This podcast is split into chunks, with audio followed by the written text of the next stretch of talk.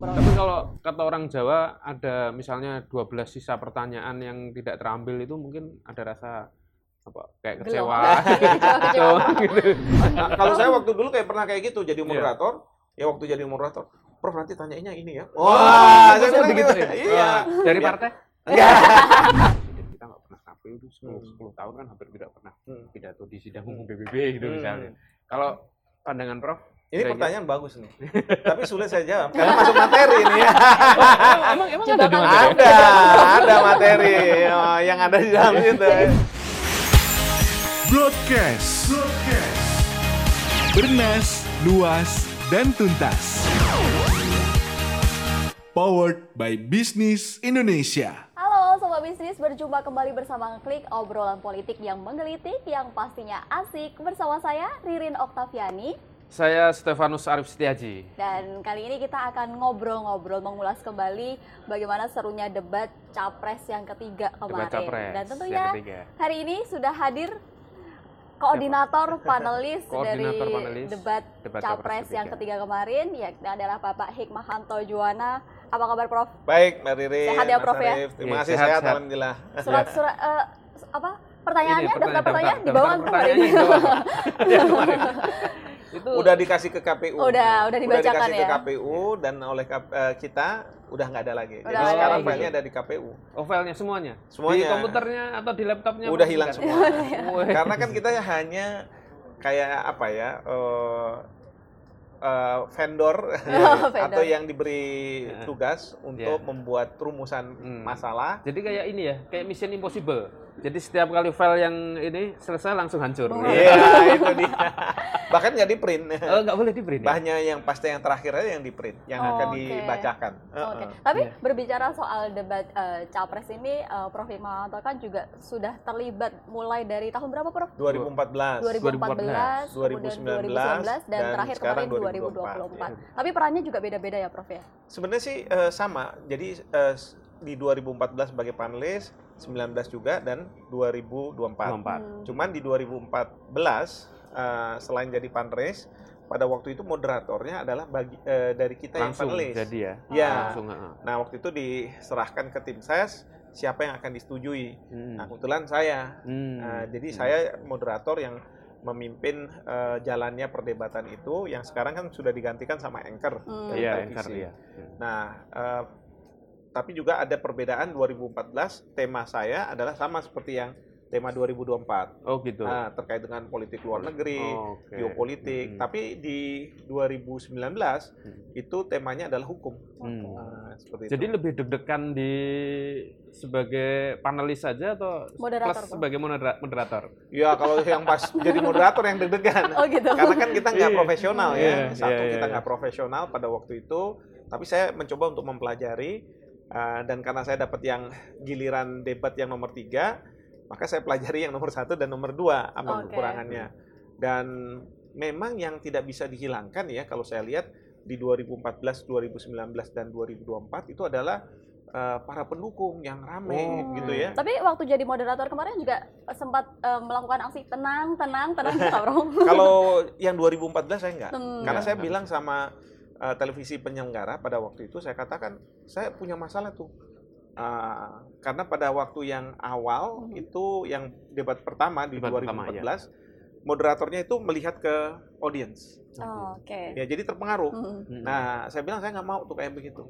Jadi uh, pada waktu itu saya melihat Mem- ke kandidat Kandidat, seperti yang membelakangi uh, ya, membelakangi. Tapi kalau yang sekarang kan di belakangnya kandidat ada uh, supporternya, supporternya. di depannya juga ada supporternya. Hmm, ya, Nah, jadi waktu saya nggak, cuman di belakang saya tapi depan nggak ada. Hmm. Nah, jadi saya lebih bisa konsentrasi ke depan dan waktu itu eh, dikatakan bahwa nanti kalau ada tepuk-tepuk tangan nggak usah dengar, Prof katanya. Hmm, ya. Karena dari nanti di televisi nggak akan muncul, Oh, eh, oke. pemirsa nggak akan dengar gitu. Jadi kita bisa kecilkan. Hmm. Jadi saya langsung fokus ke Hmm. para pihak itu. Jadi nggak ada saya misalnya tenang-tenang itu nggak ada. Iya. Pada Kalau waktu auranya di debat Perbedaan Ketiga kemarin, ya. ya. Iya. hampir sama ya sebenarnya Hampir ya. sama. hampir sama artinya ada pendukung lalu ada rame-rame buat yel-yel dan Hmm. lain sebagainya ini yang kalau saya lihat saya bandingkan misalnya ya di Amerika katakanlah Iya. gitu Hmm. itu nggak ada jadi mereka tenang Hmm. harusnya sih seperti itu ya karena Hmm. kita kan sedang tidak nonton eh, apa namanya pertandingan bola, Ya ya ya ya. tetapi ingin mendengarkan gagasan, ya. dan gagasan.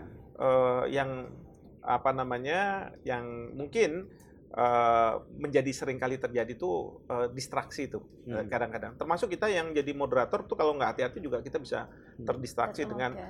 eh, apa namanya para penggembira yang ada Hmm. gitu ya. Tapi memang di suasana ketika debat ketiga kemarin memang panas, Bro. Panas ya. Nggak juga sih dingin. Nggak, Oh, nggak. AC soalnya di Istora. Tapi ini ya, eh, apa? Kalau dari pengambilan apa? Eh, pengambilan fishball, iya. pengambilan nomor urut, kemudian apa? Pertanyaan-pertanyaan. Pertanyaan itu Ya. banyak pertanyaan yang eh, Kemudian tidak apa, terambil tidak, tidak tuh. Terambil gitu. Total sebenarnya ada berapa pertanyaan? Kita total diminta untuk membuat 18 pertanyaan. Kan 18 ada enam pertanyaan. tema. Iya. Ya kan ada enam tema, ada pertahanan, keamanan, ada masalah politik luar negeri, Iya. globalisasi, geopolitik, Hmm. dan eh, satu lagi eh, berkaitan dengan eh, kok saya lupa ya. Iya. Keamanan Hmm. tadi. Eh, pertahanan keamanan Oh, ya, oke. eh, polurgi, terus kemudian geopolitik global, oh, globalisasi. Global. Nah, jadi dari enam tema itu kita siapkan tiga pertanyaan.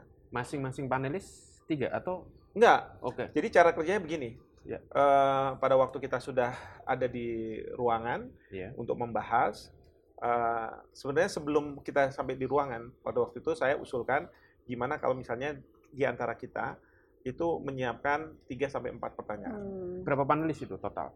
Semua ada 11. 11. Oke. Ya. Dari 3-4 pertanyaan itu eh, nanti pada waktu kita bertemu ya, kita masukkan dalam tema-tema itu. Hmm. Jadi kita bisa lihat sebarannya sudah sesuai dengan proporsi atau tidak. Iya. Mungkin aja ada yang eh, isunya globalisasi tapi bau-baunya ke eh, pertahanan, Pertahanan, ya, gitu ya, atau oke. globalisasi bau-baunya ke geopolitik gitu. Hmm, hmm. Nah setelah dibuat seperti itu, lalu kita diskusikan. Iya.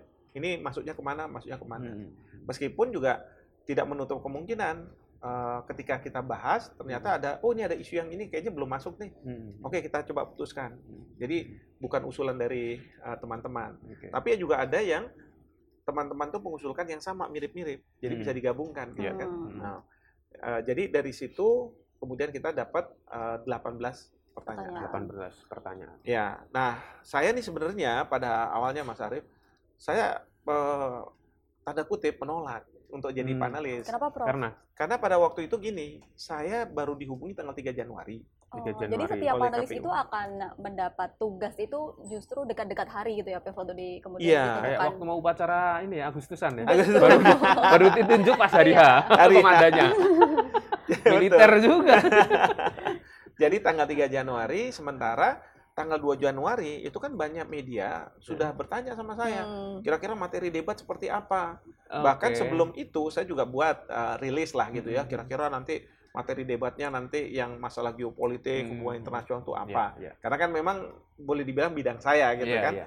Jadi pada waktu itu saya juga berpikir, udahlah saya eh, mungkin nggak dipakai lagi orang masa terus-terusan gitu ya, Iya. 2014, 19 sama 2024. Hmm. Nah, ternyata tanggal 3 Januari itu saya dikontak, Masih Hmm. dipercaya ya, Prof ya? masih dipercaya. Hmm. Nah, lalu saya sampaikan bahwa saya nggak enak nih, nanti takutnya saya dibilang membocorkan eh, pertanyaan, karena Pertanyaan. udah sampaikan. Oh, iya. Tapi waktu itu oleh eh, tenaga ahlinya eh, Dari KPU dari ya. KPU. Iya. Lalu saya sampaikan gitu, baik nanti disampaikan.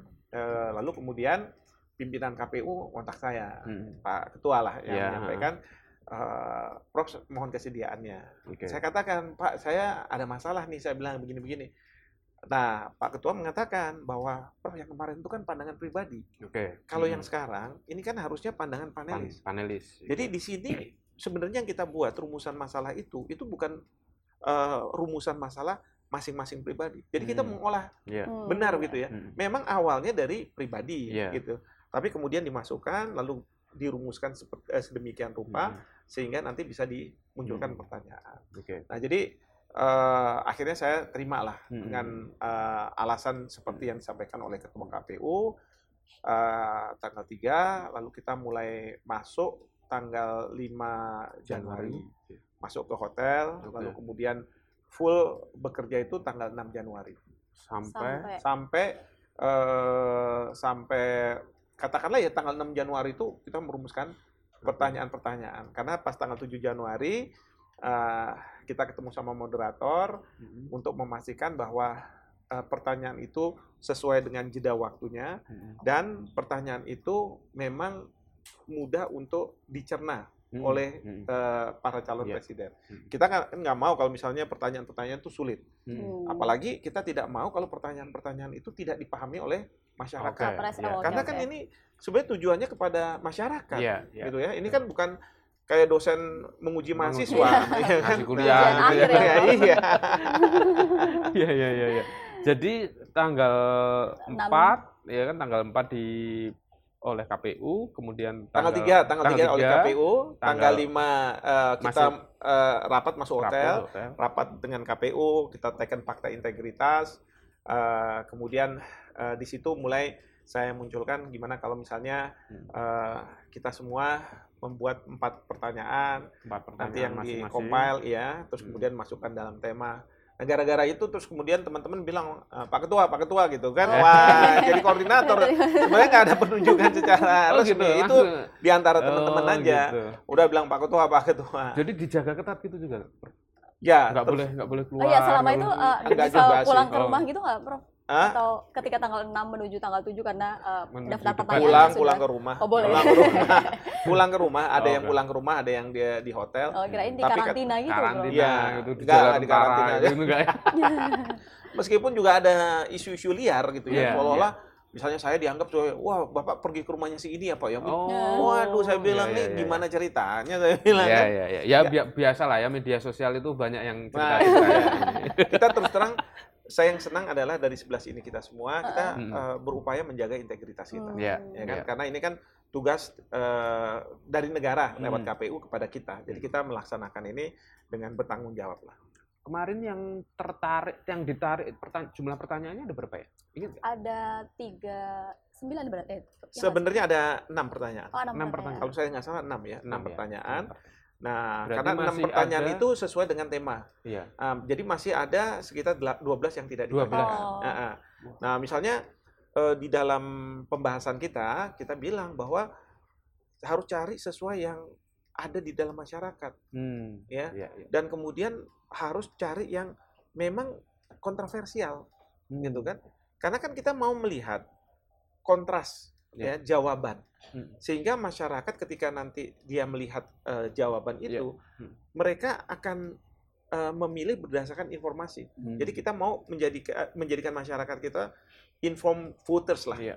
Ya Bisa jadi voters gitu yang ya. eh, yang yang Ter- terinformasikan terinformasi dengan ya kalau misalnya tidak ada debat kan mereka masing-masing gitu Iya. kan nggak nggak langsung di apa namanya disandingkan lah gitu ya nggak ada compare and contrastnya Hmm. tapi kalau misalnya yang kemarin itu idenya adalah disandingkan sehingga orang tahu oh kayak begini ya sambil contoh misalnya kalau di Amerika ditanya aborsi setuju nggak gitu kan Hmm. kalau Partai Demokrat bilang ya setuju Iya. karena apa yang mau dibela adalah wanita-wanita Oke. yang akan melakukan aborsi jangan sampai mereka ke tempat yang eh, Ilegal. ilegal, Iya. kemudian mengancam nyawanya. Hmm. Tapi kalau Partai Republik kan mengatakan No. enggak, ini kan eh, masih berkaitan dengan agama, Iya. itu karena dekat dengan agama, bahwa janin itu walaupun belum manusia, tetapi Hmm. kan sudah kehidupan. Hidup, iya. Jadi harus diselamatkan. Hmm. Jadi perdebatan yang seperti itu yang sebenarnya ingin kita Ingin lihat muncul gitu, kan ya? akan muncul Yang- iya. sehingga nanti eh, pemilih itu akan secara sadar oh ya saya milih si X katakanlah karena nanti X ketika jadi Hmm. kalau misalnya beliau jadi akan menjalankan kebijakannya sesuai dengan Iya. eh, apa namanya yang diusung itu Sesuai dengan visi misi dan juga penjabaran dari capres Betul. tersebut ya, Bro. Tapi ya. kalau kata orang Jawa ada misalnya 12 sisa pertanyaan yang tidak terambil itu mungkin ada rasa apa kayak kecewa Kecewa. gitu. itu sebenarnya gini banyak juga pertanyaan-pertanyaan Iya. saya ambil contoh misalnya ya eh, kaitan dengan isu eh, di Gaza Hmm. Oke. isu Rohingya itu sebenarnya masuk Itu ada, ada masuk ya. ya tapi memang tidak terambil Hmm. ya kan tidak terambil sehingga ya tidak ada eh, Pembahasan, pembahasannya ya. Iya, gitu ya jadi tidak ada juga eh, bagaimana visi beliau-beliau terhadap Hmm. masalah ini begitu ya. Iya. Tapi eh, dari panelis sendiri setelah kemudian kan kalau sesi segmennya kan segmen dari pertanyaan panelis se- Mm. dulu kemudian baru berlanjut ke saling tanya jawab antara capres gitu. Mm. Ada keinginan mungkin eh, harapan yang mungkin tidak terbahas di eh, pertanyaan bisa kemudian disalurkan dalam Dan itu ada. segmen Dan itu ada. Hmm, Jadi memang eh, ada pertanyaan yang kita sudah siapkan tidak terambil, ternyata tapi muncul kemudian muncul oh, di, oke. Di eh, pas antar- perdebatan iya. antar eh, beliau-beliau itu, ya. Hmm. ya. Jadi eh, ya memang seperti itu karena memang kan ini sesuatu yang kita harus eh, buat yang dekat dengan masyarakat karena at the end of the day tujuannya itu adalah masyarakat gitu, Iya. ya, masyarakat pemilih. Iya. Gitu. Kalau topik yang kemarin boleh dikatakan luput jadi perhatian dari para capres itu apa? Padahal itu krusial, Prof. Krusial. luput perhatian Iya, lah kemudian. Ya banyak juga sih kan Iya. saya katakan soal Gaza kan gitu ya, Gaza, ya. perang Gaza. Uh, lalu kemudian soal Rohingya, Hmm. ya kan sekarang ini kan masyarakat sedang rame. Iya. Hmm. Itu kalau misalnya uh, apa namanya uh, Terambil gitu ya, pertanyaan terambil, terambil wah gitu. itu kan Hmm. uh, bisa terlihat apakah misalnya lebih mementingkan isu kemanusiaannya atau kepentingan nasionalnya, Iya. ya seperti itu. Jadi kontrasnya bisa terlihat. Hmm.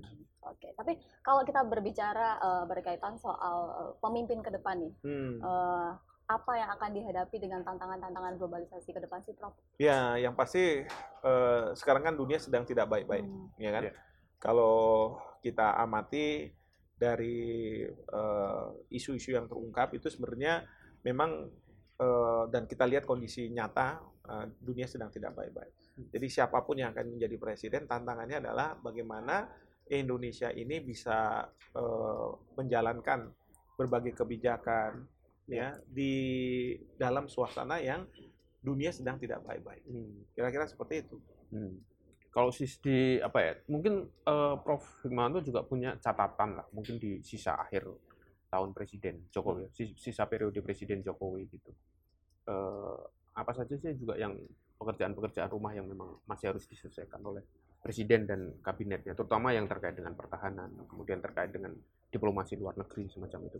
Ya, masih menurut saya sih banyak ya yang Iya. yang apa namanya sebenarnya sudah banyak yang sudah diselesaikan, tetapi masih juga ada hal-hal yang tersisa dan Hmm. eh, bisa dioptimalkan dalam masa sisa jabatan Bapak Presiden. Hmm. Dan kemudian juga bagaimana nanti Presiden berikutnya eh, melihat apa yang sudah dijalankan itu seperti apa ya. Eh, satu hal yang penting yang kita perlu pahami kalau kita bicara tentang geopolitik hubungan internasional, kepentingan kita satu yaitu Indonesia. Jadi harusnya kita sepakat nih sama, Hmm. gitu kan? Hmm. Eh, kalau misalnya isu dalam negeri kadang-kadang bisa pecahnya itu Iya. sangat sangat terlihat ya kontrasnya. Tapi kalau keluar negeri kan lawan kita musuh kita sebenarnya dunia gitu Iya. kan, Eh, nggak hanya lawan lah gitu Hmm. teman kita dan lain sebagainya. Nah inilah yang menjadi tantangan bagi siapa pun eh, melihat eh, apa yang terjadi. Misalnya perang di Ukraina masih berlangsung, Gaza masih berlangsung. Ini akan memicu krisis Hmm. gitu kan. Nah krisis ini tentu akan nantinya akan ada dampak Hmm. masalahnya kapan dampak ini akan terjadi ke Indonesia. Nah, ini yang kita belum bisa pastikan. Iya. Apakah dalam waktu dekat ini atau bisa dalam waktu yang lama. Iya. ya. Tapi ini akan terjadi. Hmm. Bahkan kalau kita lihat di Israel kan kita udah tahu. eh, Netanyahu bilang menang itu kalau tiga hal tercapai. Pertama, Sandra dibebaskan. Kedua, eh, petinggi-petinggi Hamas yang melancarkan serangan ke Israel itu ditangkap atau misalnya terbunuh. Dan yang ketiga adalah elemen-elemen Hamas yang ada di Gaza itu Hmm. hilang, Iya. gitu kan? Jadi a- Israel tenang. Hmm. Tapi sebagian besar dari orang-orang Israel, politisi mengatakan bahwa apa yang dilakukan justru sebenarnya membuat Israel tidak aman. Hmm. Karena banyak nanti orang-orang yang justru ingin eh, melakukan tindakan yang tidak setuju dengan pemerintahan Netanyahu, Netanyahu. menyerang ke warga negara. Hmm. Nah, hal-hal yang ini seperti ini kan perlu juga kita cermati Iya, iya. ya kita di Indonesia. Uh, untungnya kita nggak punya kedutaan besar Israel di Indonesia ya. Hmm. Kalau misalnya kayak di Cina tuh kan ada diplomatnya yang Iya. tiba-tiba diserang Iya. dan itu bukan oleh orang setempat, Hmm. warga setempat, tapi oleh orang asing. Hmm. Belum juga pemilu. Pemilu beberapa negara 2024 kan juga ada 2024 ada beberapa Amerika pemilu. ya. Pemilu negaranya besar-besar lagi Amerika Betul. November 2024.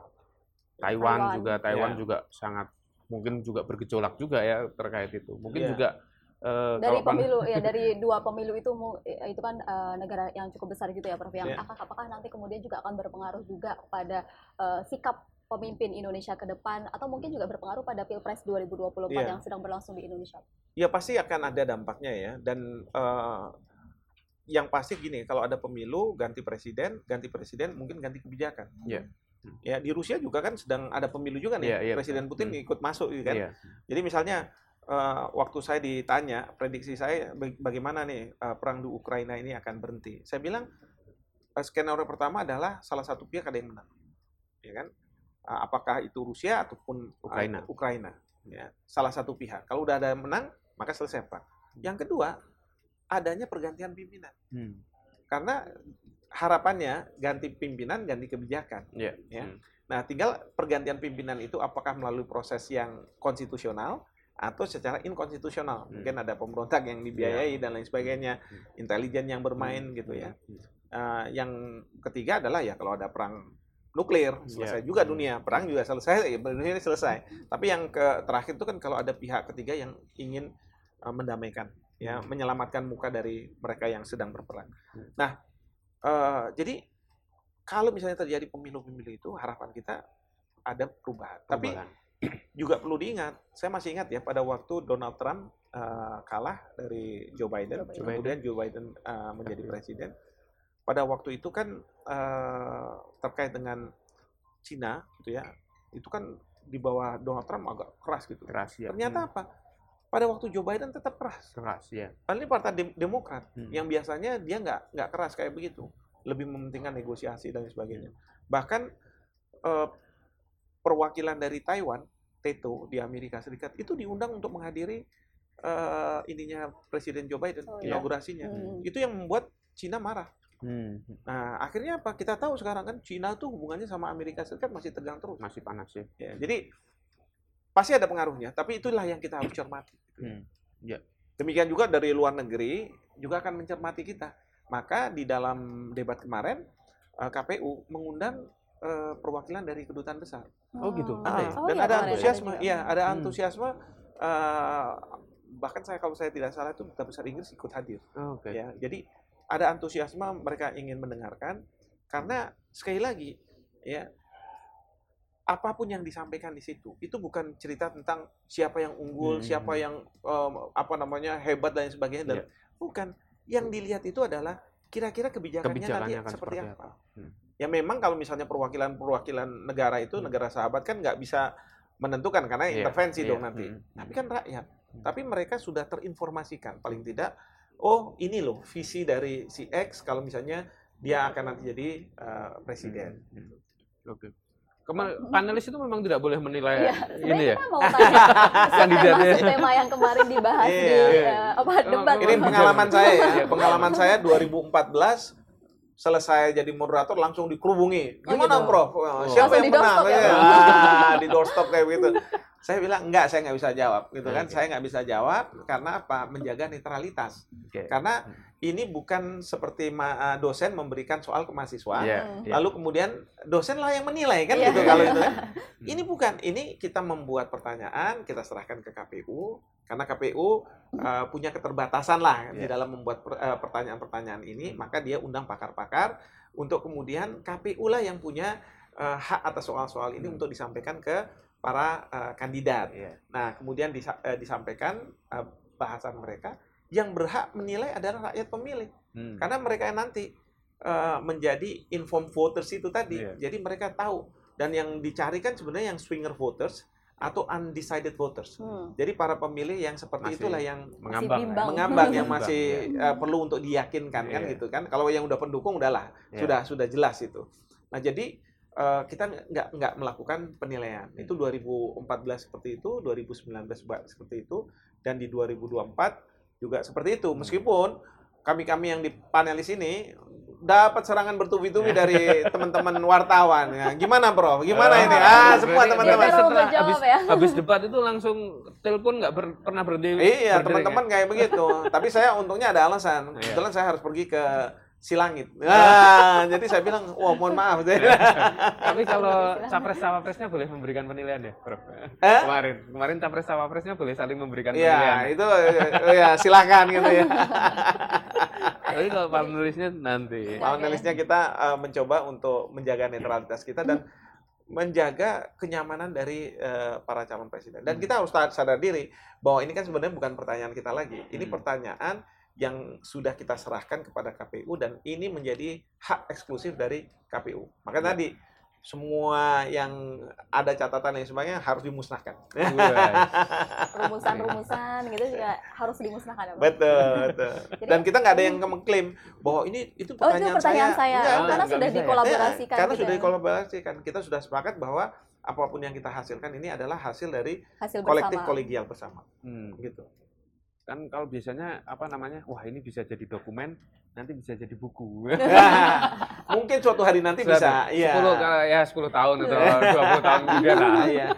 Tapi yang menarik ini Mas, Iya. Mas Ari. Gimana, Pak? eh, bagaimana kita merumuskan masalah? Karena kan KPU mengatakan bahwa eh, ada waktu yang ditentukan. Oh, Oke. Nggak boleh lebih dari Mhm. 20 detik. Hmm. Sementara kita juga nggak bisa nih kalau saya nulis itu kan ada kayak semacam pendahuluan, Iya, terus iya, kemudian betul. nanti pembahasan, terus kemudian pertanyaannya gitu Hmm. kan, itu kan nggak bisa. Hmm. Kalau misalnya panjang-panjang, Hmm. jadi bagaimana kita bisa menangkap apa yang di- ingin didengar oleh rakyat, Hmm. katakanlah begitu rakyat pemilih, lalu kita merumuskannya secara singkat, lalu ada kontroversinya, misalnya, terus kemudian ada pertanyaannya. Hmm. Ah, sehingga kalau ada kontroversinya itu supaya masyarakat tahu kontrasnya seperti apa. Tapi ada pertanyaan yang memang dibuat eh, sehingga menjawab mungkin akan sifatnya normatif. Hmm. Tapi karena memang kebutuhan untuk menjawab secara normatif itu penting. juga Hmm. penting. ya. Uh-uh. Hmm. Oke. Jadi itu tantangan pada waktu di awal-awal, maka waktu merumuskan apa namanya masalah yang nomor satu itu panjang perdebatannya. Hmm. Tapi setelah eh, teman-teman sudah punya visi yang sama, ada eh, apa namanya kesamaan dalam kita merumuskan gitu ya. Setelah itu sih mudah. Jadi lebih cepat lah. Berarti murni semua pertanyaan itu kemarin ini balik lagi ke awal ya. Semua pertanyaan itu dari 11 panelis itu murni semuanya dari panelis tidak ada unsur-unsur lain. Nggak ada, nggak ada, nggak ada unsur-unsur lain, nggak ada. Unsur-unsur lain itu maksudnya gimana? Ya maksudnya kan ada yang kemarin gosipnya wah ini KPU ikut berpengaruh. Oh enggak, enggak, enggak, enggak. Oh. KPU enggak. Beliau mengatakan kita full, silahkan kita nggak akan intervensi. Ya. Cuman eh, kalau KPU hanya mengatakan bahwa ini harus 20 detik, eh, pertanyaannya harus jelas dan lain Hmm. sebagainya, dan kemudian kita simulasikan nanti sama moderator itu disampaikan oleh KPU. Hmm. Tapi terkait dengan substansi diserahkan kepada kita semua. semua. Iya, Itu clear ya jadi. itu kan, clear. Ya kan kalau yang di luar-luar kan wah ini pasti bocor Oh, ya. gini. Iya. Menguntungkan ya. Nah, kalau saya waktu dulu kayak pernah kayak gitu jadi Iya. moderator, ya waktu jadi moderator, Prof nanti tanyainnya ini ya. Wah, Wah, saya bilang begitu gitu. ya? Iya. Dari Ya. partai Enggak. Prof ingin tanya. atau eh, dari capres? Ah, nggak ada. Saya bilang nih ampun gitu. Prof ingin tanya, Prof. Berkaitan soal komposisi pertanyaan tadi kan, Prof. Bagaimana kemudian panelis merumuskan sehingga pertanyaan yang muncul atau kemudian nanti juga akan menerka jawaban dari para capres-capres ini tidak akan bermuara ke satu tema saja gitu, Prof. Hmm. Kalau mungkin yang kemarin ada beberapa tema yang kemudian terlalu banyak digalinya, sementara Hmm. eh, tema-tema yang lainnya sedikit untuk kemudian dilakukan pembahasan. Nah ini gimana, Prof? Ya, itu yang kita simulasikan. Hmm. Kita simulasikan dengan pertanyaan ini, misalnya kira-kira jawabannya kayak gimana. Hmm.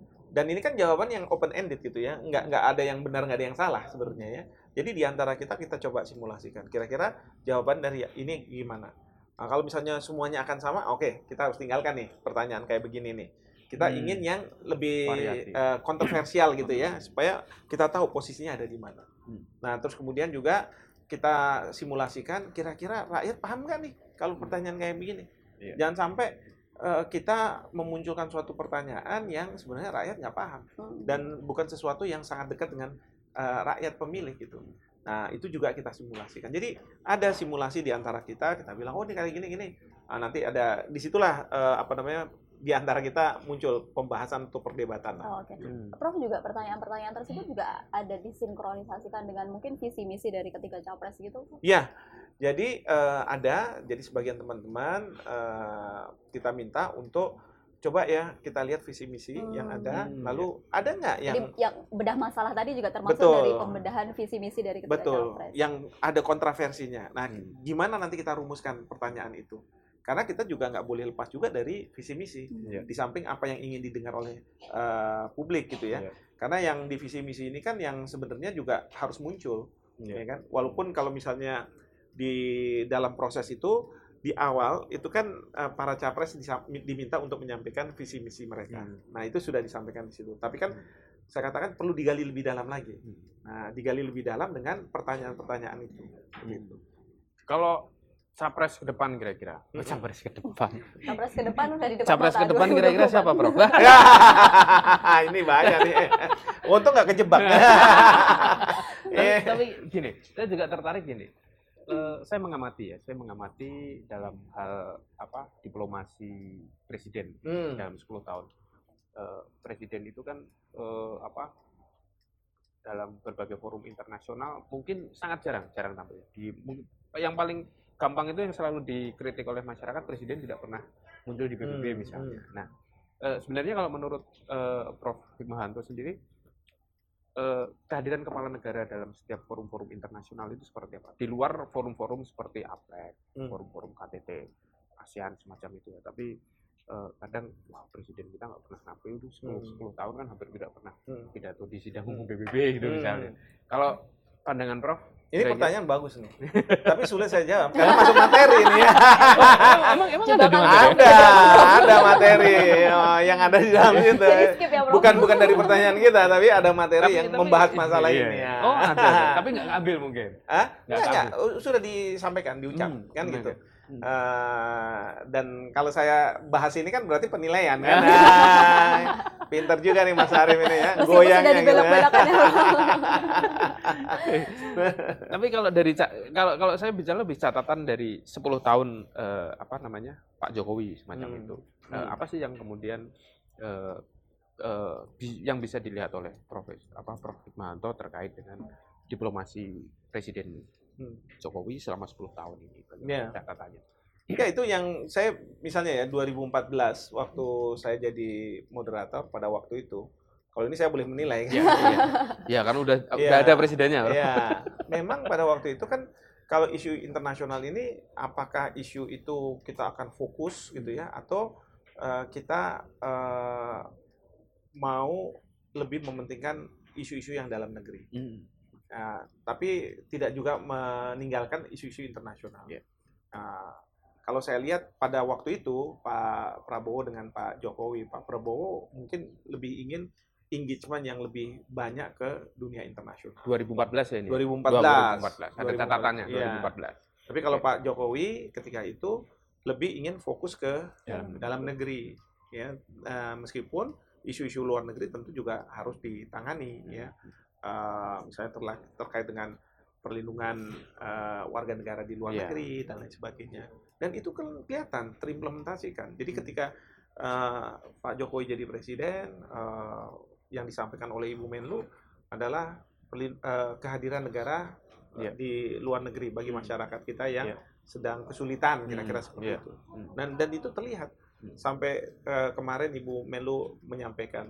Lalu juga eh, apa namanya eh, engagement yang sifatnya konkret gitu ya. Hmm. Karena ada juga yang kita nggak usah konkret tapi multilateralisme itu penting gitu ya. Iya. Nah itu Pak Jokowi kan nggak nggak ke sana arahnya. Hmm, ya. Nah, Hmm. nah, jadi eh, kita bisa lihat di, di situ. Hmm. Nah sebenarnya hal yang seperti ini ke depannya eh, dalam debat-debat itu akan terlihat di Indonesia. Hmm, Ya, jadi eh, bahkan kalau teman-teman nih yang di panelis bilang gimana ya kalau kita usulkan ya bahwa pertanyaan itu udahlah nggak usah pakai ditutup di ini Hmm. ya udah dibuka aja Hmm. ya mungkin dibuka misalnya dua hari sebelum hari H gitu kan Hmm. supaya semua sudah menyiapkan dan yang penting itu bukan bisa menjawab atau tidak Iya. bisa menjawab standpointnya Iya. terhadap suatu isu Hmm. ya kan saya ini kan lawyer nih Iya. kalau untuk lawyer satu fakta itu bisa dilihat dari dua perspektif yang Hmm. berbeda Hmm. Ya. ya kan Eh, maju tak gentar membela yang Tenang. Bukan. bayar. yang memberi surat kuasa, ya kan? Yang memberi surat Bayar, kuasa, ya. yang memberi surat kuasa yang bayar, kan? Iya, gitu ya iya, udah iya. gitu kan. Ya. Tetapi kita tahu nih standpointnya di mana. Iya. Nah, sebagai hakimnya itu rakyat, rakyat sebagai pemilih. Hmm. Jadi kalau misalnya kita eh, tutup-tutupi apa pertanyaan ya, Hmm. kita kita buat secret dan lain sebagainya. Yang saya khawatirkan mereka nggak mem- mempersiapkan. Iya. Eh, standpoint saya itu seperti Mhm. itu. Iya. Saya mau kayak gimana, gitu kan? Nah, mungkin sekarang sudah saatnya ya sudah eh, dimunculkan, gitu ya. Ini isu-isunya dirumuskan, lalu kemudian diperdebatkan. Ya, bahkan kalau bisa nanti para panelisnya ini yang bertanya. Bertanya. Iya, iya, Nah, jadi bukan moderatornya. Moderator memang harus yang atur waktu dan lain Hmm. sebagainya. Tapi panelisnya akan bertanya. Kira-kira seperti itu.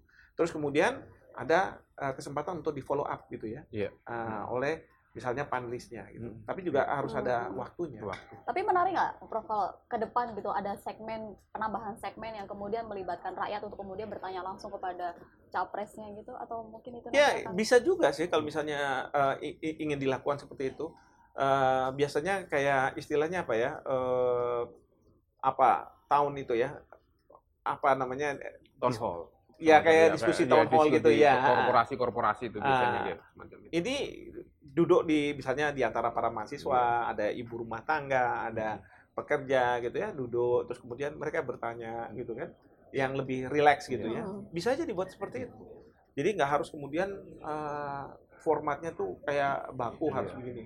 Memang yang jadi masalah itu adalah memberikan keadilan untuk Iya. masing-masing pihak bisa eh, berinteraksi dan ber- menyampaikan visi misinya. Lalu kemudian juga jangan sampai misalnya mendominasi gitu ya, Iya. terus motong-motong dan lain sebagainya. Itu yang jadi tantangan kalau misalnya mau dibuat kayak gitu. Dan saya berharap suatu ketika nanti bisalah di kampus gitu ya, Iya. misalnya di Universitas Jenderal Ahmad Yani. Iya. Nah, harus disebut itu. Iya, iya. Sama gini, saya membayangkan ya kalau misalnya kita bikin town hall gitu ya, town hall capres cawapres Hmm. gitu kan. Ada ibu rumah tangga, ibu rumah tangga sambil bawa apa itu? Iya, Alat-alat rumah tangga nanya, Pak, bagaimana pendapat Bapak tentang alutsista? Eh, Tapi bawanya, bawanya apa namanya panci gitu. Kan menarik gitu. iya, ya model-model kayak begitulah ya. Nah, saya justru mohon maaf sekali nih ya, justru tidak rekomendasikan para pendukung. Karena Iya. kalau para, para pendukung kan sudah sudah sudah segmented. tahu ya, sudah mereka tahu. kecenderungan kalau disuruh tanya nanti jatuhin eh, lawan, Lawan, gitu gitu. kan. Enggak, ini yang kita bilang bahwa ini orang common people Iya. yang mereka datang, mereka ingin bertanya, ya iya, kan? dari masyarakat-masyarakat yang memang mungkin dipilih oleh Komisi Pemilihan Umum ya, Betul. perwakilan masyarakat, Iya. NGO. Kami-kami yang jadi panelis ya. ini kan sebenarnya mau juga mewakili masyarakat. Iya.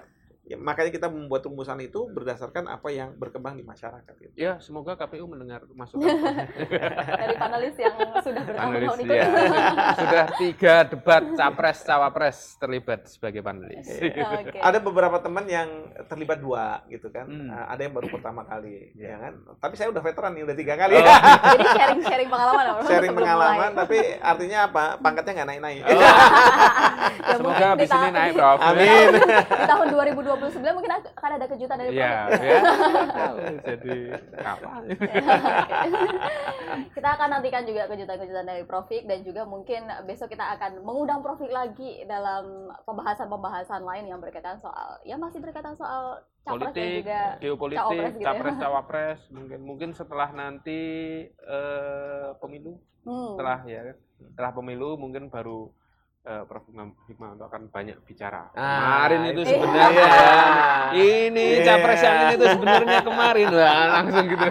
Tapi Prof closing statement nih berkaitan soal tema-tema debat eh, berkaitan soal internasional dan geopolitik yang sudah dirumuskan ini harapan Prof Hik selaku eh, ketua panelis ini Ya, visi misi dari ketiga capres berkaitan soal tema debat ketiga ini seperti apa Prof? ya saya nggak akan menilai visi Oh misinya iya ya. lupa lagi.